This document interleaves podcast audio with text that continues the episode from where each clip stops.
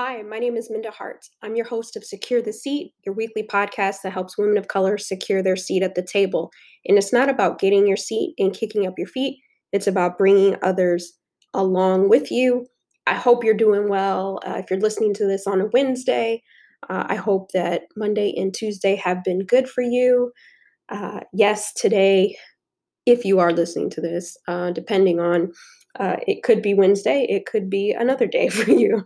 I don't know about you, but most of the days are starting to feel the same. And um, I'm curious what you've been trying to do to kind of mix things up a bit.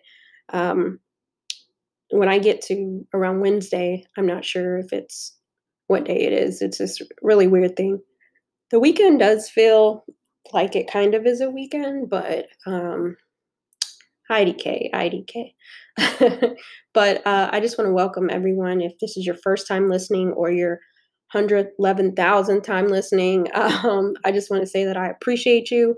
I know that you could be listening to any other podcast and you choose to listen to Secure the Seat. And I hope I hope that you are gaining insight, knowledge, and motivation as you hear from different women that I've had the pleasure and some men of interviewing. Uh, we're, I know I keep saying this, but I only have a couple episodes left in this season, but I've been trying to stretch them out a little bit because um, I know we are, many of us are still in quarantine. So there you have it. Uh, but also, if you are not aware, I want to let you know that I do Secure the Seat live on LinkedIn Live every Monday at noon. So if you go to my LinkedIn page, Minda Harts, hit the follow button and you can also see uh, the conversations that I'm having Mondays at noon on LinkedIn. And then I stream them back on to YouTube. So if you go to YouTube and you just hit put in secure the seat live, you'll also see the replays uh, from LinkedIn. So I, I, want you to make sure that you have all of that good information. Uh, just last week, we had a good one uh, with a former guest, Sarah Morgan, and we talked about you know, how do leaders prepare themselves for um, returning back to work, right? Because many of us who might be going back to work might have concerns, right? And so, how are we creating space for those who do return back and for those who who don't um, or don't feel like they're ready to? So, we definitely have to um, be empathetic, and or you don't have to, but I would consider being empathetic and know that um, this COVID 19 has affected different people. Maybe it's not hit your house like it's hit some, but you know, a lot of people have fears for a reason. And um, I hope when you're going out and about that you are still wearing your mask. That's the only PSA that I'm going to do about that right now. Um, the other thing I wanted to let you know that the memo paperback is coming out September 15th. I have two new chapters uh, in the book, and I am going on virtual book tour again. So if you didn't get to see the first leg, doing it again, but I'm doing something a little bit different this time. I'm actually um, calling it the memo experience, and it's a facilitated interactive discussion that simulates inequality in the workplace. And so this isn't your mama's book tour. um, my my goal is to disrupt the traditional book tour. So you know Participants will go through facilitated interactive dis- discussion. Uh, participants will be guided through scenarios based on interaction intersections of race and gender. Um, it's for everybody women of color, black women, managers, allies, everyone is welcome. Some of the things that we'll be discussing uh, in the memo experience is microaggressions, how to become a success partner, one size doesn't fit all, courageous conversations, courageous listening, and bias and unconscious bias. Um, it's really in my intent is that we take some of the theories out of the memo and what does it look like putting them into practice. So if you go to if you um, go to my Twitter or you go to my uh, LinkedIn page or you go to Instagram, you will see a link to the Eventbrite. So I'd love for you to be there. I'm actually hosting six days uh, the 15th, 16th, 17th, 18th, 23rd, and 25. You don't want to miss it. Um, there's opportunities to even, um, there's two ticket prices. One uh, of the ticket price general admission is um, you get, you pay the price of admission and you get a customized um, limited time book plate that I will sign, send to you, and you can put it in your new memo paperback book. And then I have um, a certain amount, just a small amount each session of VIP tickets where I will actually personalize a new copy and you get a new copy of the paperback book. So um, I really want to make it special uh, this time around and do something a little bit different. I've um, really want to create an experience and a and an interaction um, that you don't want to miss. And so, depending on how these six days go, I don't know that I will do this again in this way. So we will see. Um, but I'm really excited about it. So please, um, wherever you like to follow me, um, actually, my website is being redone uh, right now. Um, it's just migrated today. So if you go to mindaharts.com, you're not going to be able to um, add your name to the mailing list, and then there's information in there. But my site should be back online by Friday. I uh, took some new headshots. We're, we're taking it up a notch. We're vibrating a little bit higher. Uh, but then also, if you're looking for um, something to do this weekend, I am going to be speaking at BossCon, um, hosted by Felicia Butterfield Jones. There's so many great people. Uh, Tamika Mallory, uh, DJ uh, D Nice is going to to be there. So again, go to any of my social pages. You'll see the information there. Uh, but today I'm really excited about today's guest because she is a friend. Um, we both teach at NYU Wagner, and so we we have that in common amongst a whole lot of other things. Um, she's been very supportive, uh, and I call Surabhi a friend. Uh, Surabhi Lal is the chief impact officer at the Luminary Social um, Community in New York City. Take a look at them. I will include the information in the show notes. I know that they do have um, co working spaces physically um, with social distance, but they also have really cool um, virtual packages as well. So if you're looking to still stay connected uh, with other women, uh, I definitely recommend Luminary. They hosted my when my book tour came out. Um, I'm sorry, when my book tour launched, the day my book came out, which was almost a year ago, uh, the hardcover and Audible, August 20th.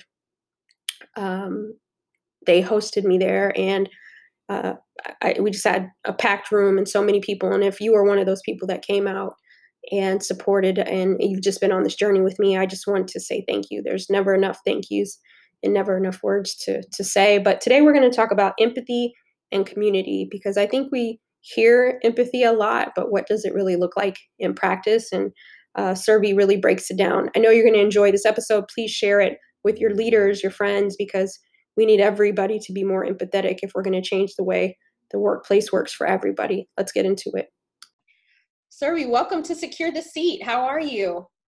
I'm, as I was telling you, Minda, my micro world is okay. The world around us gives us lots of opportunity to do better in many many aspects. I love that. We we have the opportunity to do better and and that we i hope we will all latch on to and know that each of us can make this better. So i'm really excited about having you on. Um, thank you for being a success partner uh, to me in many ways. So i, I just want to thank you um, for holding space for me on many occasions. And i'm i'm excited to talk about empathy and community, uh, which I know you are an expert in. So I have a few questions. They won't get too hard, uh, I don't think. But um, empathy has become a huge buzzword in the workplace. Tell us what you think many companies and organizations are missing when it comes to empathy in action. Such a great question. I think for lots of uh, companies and learning and development, people think we're going to go to a two hour workshop and you're going to have the skills and you're going to walk out. And what we know, I think you and I from teaching, is that you can teach a lot in two hours. And then there is more work that comes after that. So that session on empathy and defining what it is, and empathy is this ability to understand what someone else is feeling is something that needs to be practiced. And so you can practice it in role plays you can practice it in other ways but it is a constant practice of figuring out this empathy. So why it's become a buzzword i think um, is a number of reasons. One i think people are realizing that when you are when you can practice empathy you can have a better sense of your clients and your customers and understanding what they're feeling and you can build better products you can build better services to meet them um, and i think that's sometimes where the conversation ends and it doesn't get turned internally so in the workplace and how we work together how can we practice empathy there um, and I think that's, again, a huge opportunity that's waiting for us. And, and I think something that the memo has done really well is illustrate for many people this oh, I can now have a different level of empathy and understanding for what a black woman might go through in the workplace what specifically minda has gone through or the other people you've profiled um, and maybe extrapolate that to other people of color or other people who feel underrepresented or like they don't belong in the workplace. So, yes, I think it's a buzzword eh, because it has real benefits and it's something that needs to be a, a constant practice. It needs to be part of your daily, hourly practice for it to really sink in. I love that. Uh, it has to be a practice. You know, uh, right now you see a lot of like 10 ways to be an ally and this, that, and the other, but it's not just you. I've done the 10 things and I go back to my to my desk right or to my couch but i love how you said it's it's an hourly practice it's a daily practice um, which leads me to my second question why do you think empathy is needed even more so right now uh, in our country and abroad oh uh, so many reasons um, you know i think what we have seen very clearly on display um, with uh, too many to name, but we'll use George Floyd, like this very inhuman murder of this man. It's just that empathy allows us to be human. It allows us to see someone as a person um, and not as something less than.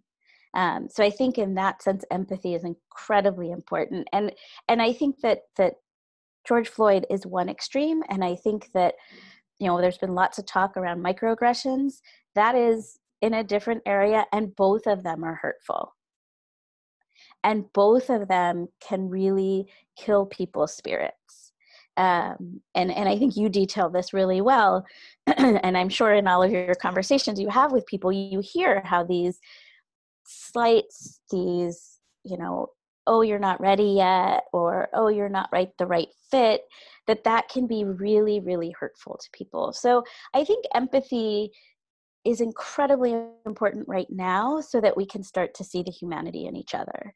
Um, and it, it, you know you're talking about the 10 things. It isn't like check check check i did them and and now we're done. It's okay check check check.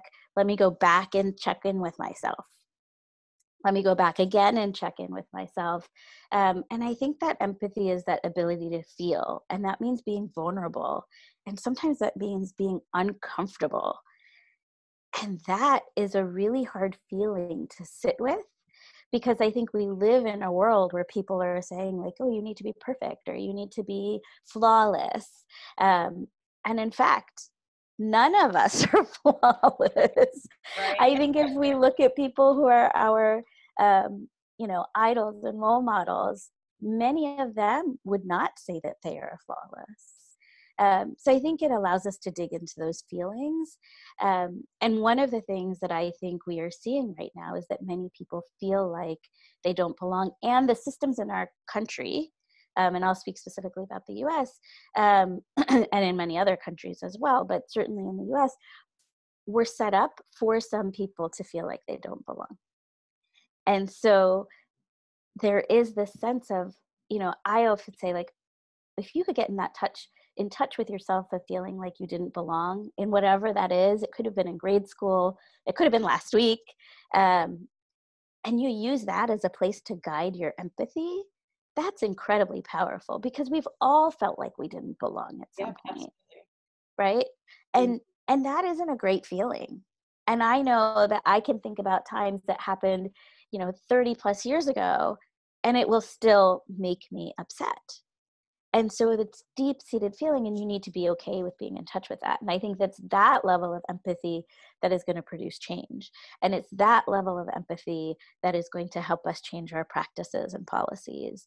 Um, and i think right now what we are seeing in many ways um, you know roy wood jr who's a comedian said said all this talk of statues the real statues should be to the cell phone um, is that we are you know we are seeing things that would have otherwise been hidden from us which allows us to bring in that empathy and to see uh, ourselves more and that this is something that we collectively as a society have been okay with and now we need to say stop. Um, and i think similarly in the workplace people have been putting out statements and you and i can talk about whether statements are going to mirror reality. Maybe we'll check in with that right. in six and eight months. Um, but you know the statement is easy. The empathy and the change in what's happening in the day to day is hard yeah, I'm glad you brought that up because um, I, I, love that piece about we should be the statue being the, the, the cell phone, right? And God, I think about that every day. Like, you know, our civil rights leaders and just people, voting rights act, when those things were happening, had people had a cell phone back then, right? To humanize the experiences that were happening when people were getting, you know, banged upside the head with a brick or being stopped you know that could be your daughter that could be your son that could be your sister your mother and and um, empathy really goes a long way because even to your point with when i talk about s- stories that i've had in the memo it it's different than somebody reading oh that person experienced racism. But when they see a face oh minda experienced racism right? And and how do we empathize? Even if you don't know me or hear my story how do you empathize with that person right? So i love that. I love that. Um, another aspect of I, I think that we should talk about with empathy is community building when it comes to building intersectional spaces. And um, I'd love for you to tell our audience about your work at the Luminary and how you use empathy in your role it's I think empathy is really, really important in building a community, whether your community is a workspace or whether it is um, at Luminary, which is a women's collaborative hub. And Minda, you and I talked early on when I was, uh, when we started, and I had said um, when Luminary opened, um, and what I had said to you, and I still believe it to be true, is that there are very few intersectional women's spaces. And i think some of that requires us not just looking at empathy but also looking at our history. Um, and so when you you know we're sitting in the 100th year of um, women's suffrage and i think we need to be thoughtful about saying it's a 100 years since some women have had the right to vote. Whereas if we say it's a 100 years since women have had the right to vote and the reason i bring this up is that in the women's space um, since then I think similar things have happened, which is women of color, Black women, Asian women, Latina women, Native women have been um, part of the movement and then kicked out of the the greater conversation, um, the optics, and the leadership. Um, and that is certainly what happened in the suffrage movement. And when I think about women's spaces and feminist organizations, that exist now, many of them, if not all of them, are led by white women. And so, um, you know, we operate within a system, and this is the system in which we operate.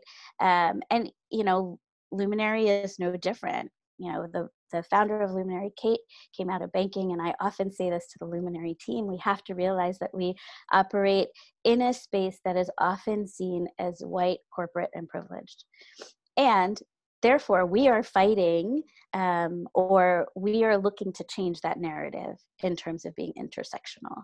Um, and that means having people from different industries. It means having different voices present. It means working even harder and more intentionally to be a welcoming space um, it means making sure that uh, we are taking into account all sorts of things. And I'll give you a very specific example, um, which is we decided fairly early on that uh, the, the the team that was our community management team would wear t-shirts and one of the reasons we wanted them to wear t-shirts is so that they were easily identifiable and the other reason is that we knew that oftentimes particularly black women were who were members in this space were being asked questions that could have gone to a community that should have gone to a community manager.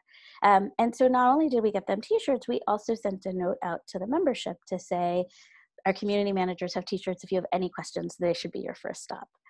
Um, so I, I, think there there are small things that you can do, and then there are large things you can do. You know, do we have representation on a panel? Does the website look representative? Are we checking in with our members to see that they feel welcome? And I think all of these things that we've done in community, you can easily translate into a workplace, right? We also know that the leadership of, of Fortune 500 CEO companies is predominantly white, predominantly male. Um, and so, similarly to the women's space, except for the gender piece, um, the same thing is, is true. You need to try harder, you need to be intentional, which means you need to put people in power, you need to have people who are paying attention, and then you need to make it part of the daily practice.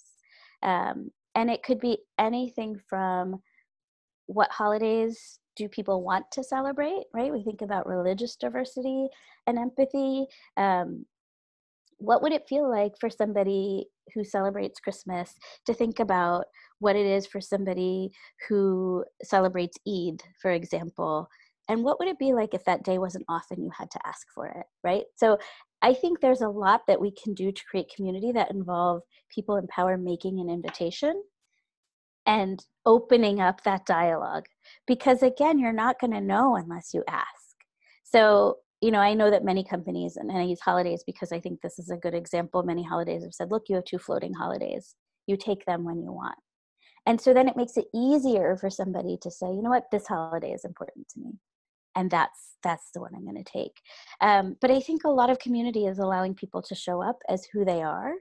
Um, and i would say in the workplace if your if your employees are spending all this time code switching trying to cover be a different person you're not getting their best work because their energy yeah. is spent there. And then you don't have a pra- chance to practice empathy and you don't have a chance to to really make those communities of belonging.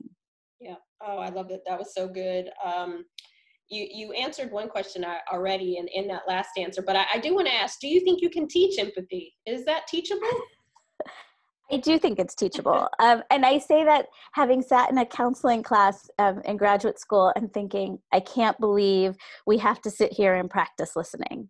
Um, and that was very much in graduate school. I was thinking, like, this is ridiculous why do we have to do it? It feels fake. It feels false. So it goes something like minda you would tell me something and i would say to you minda um, if i understand what you're saying you're saying x y and z. And i thought this feels so scripted.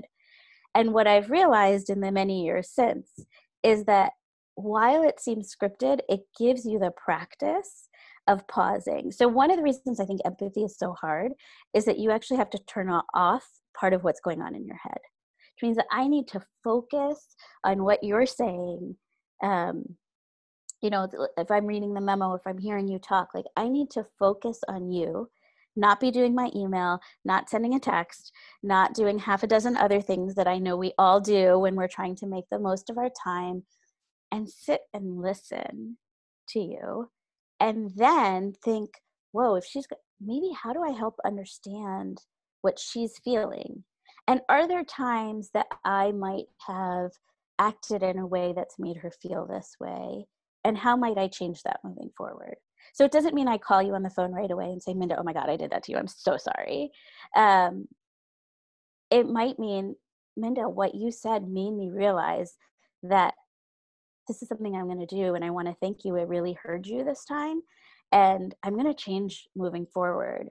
And what I'd love for you as one of my success partners in this, if you're willing, is if you see me do that, will you just tap me on the shoulder and say, You're doing that thing again? Um, so I think, yes, it can be taught, but again, it's not the two hour workshop. And you can certainly learn some tools in those two hour, in that two hour workshop. Um, and I think that that's important because you need a starting place.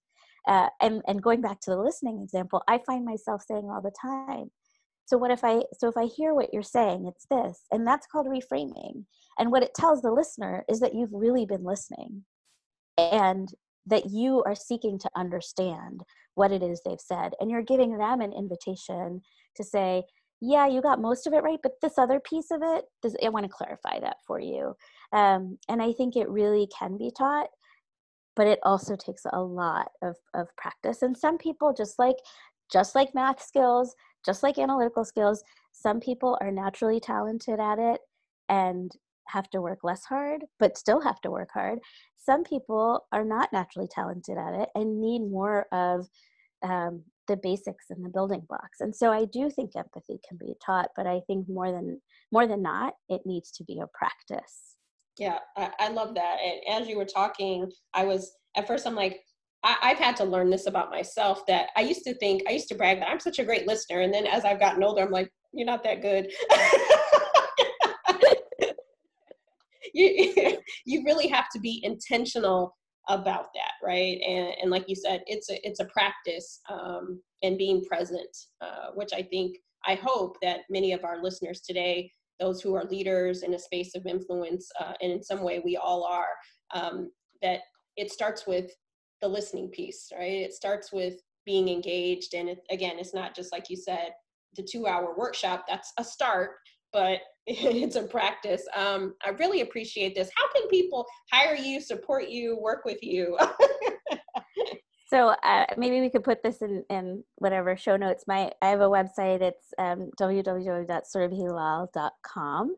Um, and you know, I'm really passionate about workplaces like you being better. And for me, it means that if you if we start to see workplaces as places of community and places of growth, um, I think we can do a lot better. Right. I know that, um, and some of that is considering your your community, your workplace, a learning organization, uh, because that's one of the things we know about the future of work. As technology changes, we are going to have to change as well.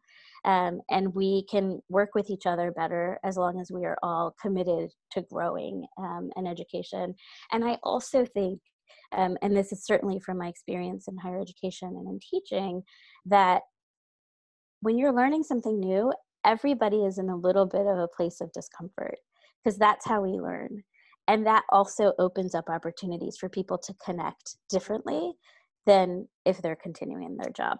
Um, so those those pieces you know how do we build good work communities that are communities of belonging? How do we build workplaces that are growing or, or things that are real passion areas of mine? Um, and and in many ways they come together at luminary um, and again, for those of you who are in New York City and are looking for a place maybe to um, come and work from, please check us out. And if you're not in New York, we have a new digital membership um, as well. And so it really is about our programming and our learning. Um, and it's often not the things that you might learn in a traditional class or learning and development, um, but the things that really do help people in their careers. Um, and then you know big shout out to a place that you and i both uh, both both like a lot which is nyu wagner. Um, i'm really passionate about teaching management so that uh, you know i think managers are very much the ambassadors of culture uh, and i think that being a good manager and being a good leader are equally important. Um, yes. and they take different skills and uh, i'm thrilled you know to continue to teach there Love it, love it. And I'll make sure that I put all of your information in the show notes. But before we go, I have to ask you my bonus questions. Uh, as a lover of grits and rap lyrics, I can't let you go without asking you what your favorite rap lyric and why. okay, so I will say that I'm terrible with lyrics. I'm terrible with the names of songs. Um, it's just not one of my talents. And I have grown to say I can accept that about myself. Um, you know, I learned, I, I, sang for many years and I learned singing um, by ear. And so while I might not remember a lyric, I will almost always remember a tune. And halfway through a song, I can pick up a tune. Mm-hmm. Um, but I will say that the the thing that I have been coming back to the last few the last month is really Public Enemy, fight the power that be, because I think you know we are in that moment that we are being called to build different powers. Mm-hmm. i love it. And, and, that's true. We are the time is now. We the time is now. Um, so i appreciate that. It's very very relevant to what's going on right now. And lastly the show is called secure the seat. What does that mean to you I mean, it can mean so many things, but I think for me, as I was thinking about this question, what does secure the seat mean to me? Um, I think often it means securing my seat, which means knowing my values. Um, so it's kind of like the airlines, you know, they tell you secure your mask before you secure someone else's. Um, and I, I think that that means really being in touch with my values, my integrity, and what that looks like so that I can pay attention and help other people.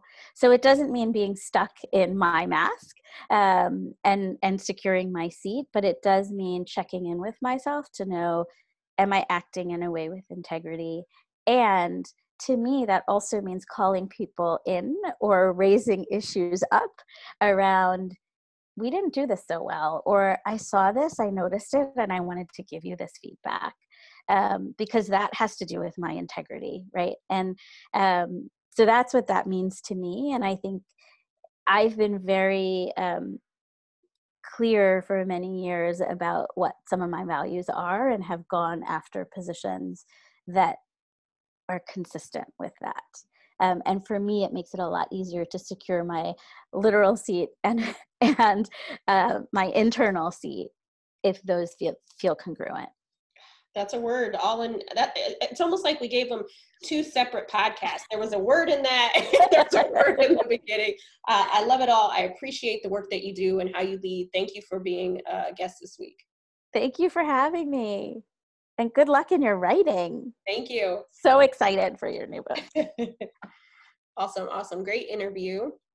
Um, so yeah, but are, are you teaching this fall or? I am teaching this fall. I mean, I'm really curious whether it's going to be online, a hybrid, um, or in the classroom. Um, and yeah, waiting, waiting to hear.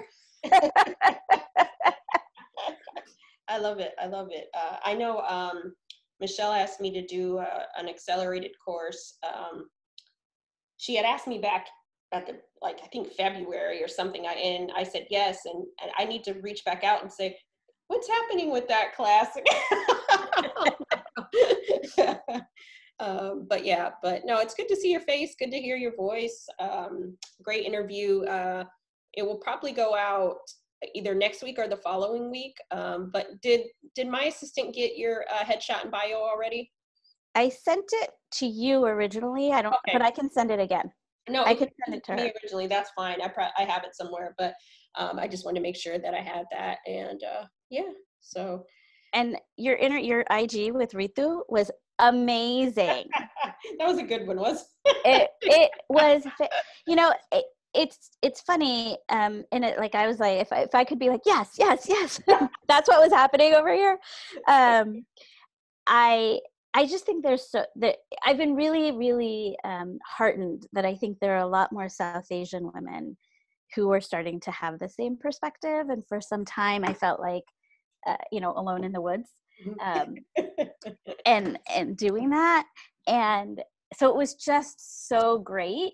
And I think there is, um, you know, I think if we all start acknowledging that there's a connection between colonialism uh, and slavery and that that that connection is white supremacy and it's baked into the world over really but also um, baked into our organizations and our systems then we have a starting place um, so it was really just so nice um, to Thank hear you. her for watching it um, i had uh, she you know we met earlier this year and um, and i just love how she gives it to you raw oh yeah she is super real. Yeah. Um, you know, and I just so appreciate that. And I, have met other women um, as well. And I just, it makes me feel like we are in this point where allyship and supporting each other and maybe being upstanders for each other feels more possible.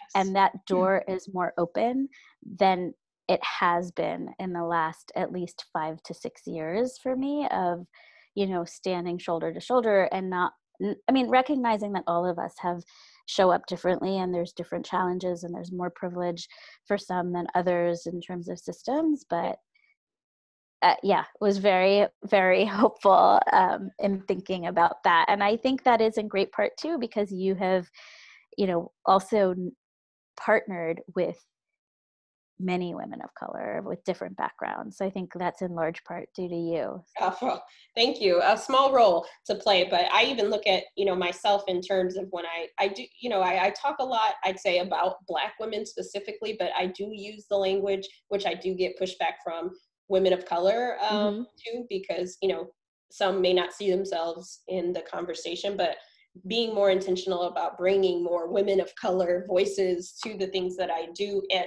and and all across the spectrum, right? So that you know everybody has a seat at my table and i want to be able to be able to pull those voices in because you know um, a couple weeks ago i had a latina guest on secure the seat and i heard from my latina you know listeners like thank you it was nice to hear you know what i mean those sorts and you don't realize that you might not be bringing that perspective as much but i've been so much more intentional uh, this season so um, uh, and, and I've been better for it, you know.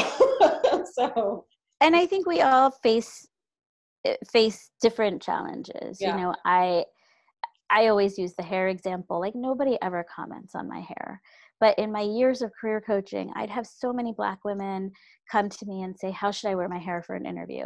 Yeah. I promise you that there are very few other people who come to me as a racial or ethnic group to ask about that right so there are real differences in the way people are perceived and um, and i think that's real too and i think there's also this commonality of feeling like there are challenges and what would happen and i think this is a big opportunity what would happen if we all supported each other and promoted each other and and stood up for each other you know in the you talk about like the rooms that you're not in right mm-hmm. um, who's doing that? Who's yeah. saying like uh, you know there are all these things on twitter and other places like who should i follow? So how do we make that um, bigger and broader and and lift more voices? And i think that that's a um, something i've been seeing happen and it's really hard it's really heartening. Yeah it really is but i appreciate you again good to see you. Thank you for for being my guest taking out time and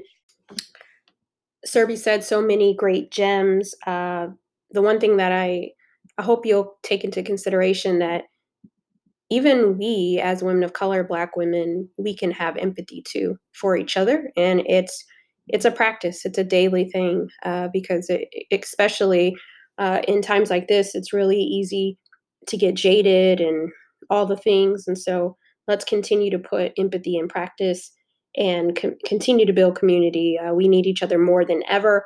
Uh, if you want to connect with Surabhi, um, I'll have her information in the show notes. You can go to her website uh, and also check out Luminary. And also to um, to make it easy on you, I decided to put the Eventbrite link in the show notes so you can actually uh, click and uh, join me for book tour next month. And I just want to say thank you. Uh, if you have not left a rating or review for Secure the Seat, please do so wherever you like to listen to your podcast. And if you could do me the huge, huge, huge favor, tell at least one person about the memo paperback. Uh, I want more people to get that book in their hands. Um, I just think it's important that we have resources for us, right? I, if I had to write the book over again today, um, maybe I'd do some things a little bit differently. But overall, um, I am just so thankful that we have content geared toward us and that now I'm seeing so many uh, Black women and women of color get book deals um, because we made the memo successful. And so they see that there are people who want to read this stuff, right? uh, whereas we might not have had the opportunities before. So if that's you, don't you ever for one second think that there's too many books or the the the field is saturated. No, no, no you see that a lot of white men and women they fill the shelves with leadership books and content that many of them have written the same stuff over. I mean, we got a lot to say and a lot of stories to still tell. So don't let anybody tell you that anything is saturated or we haven't heard it from you and we haven't heard it how you can tell it. So let's keep securing our seat and I'll see you next Wednesday. Have a great rest of your week.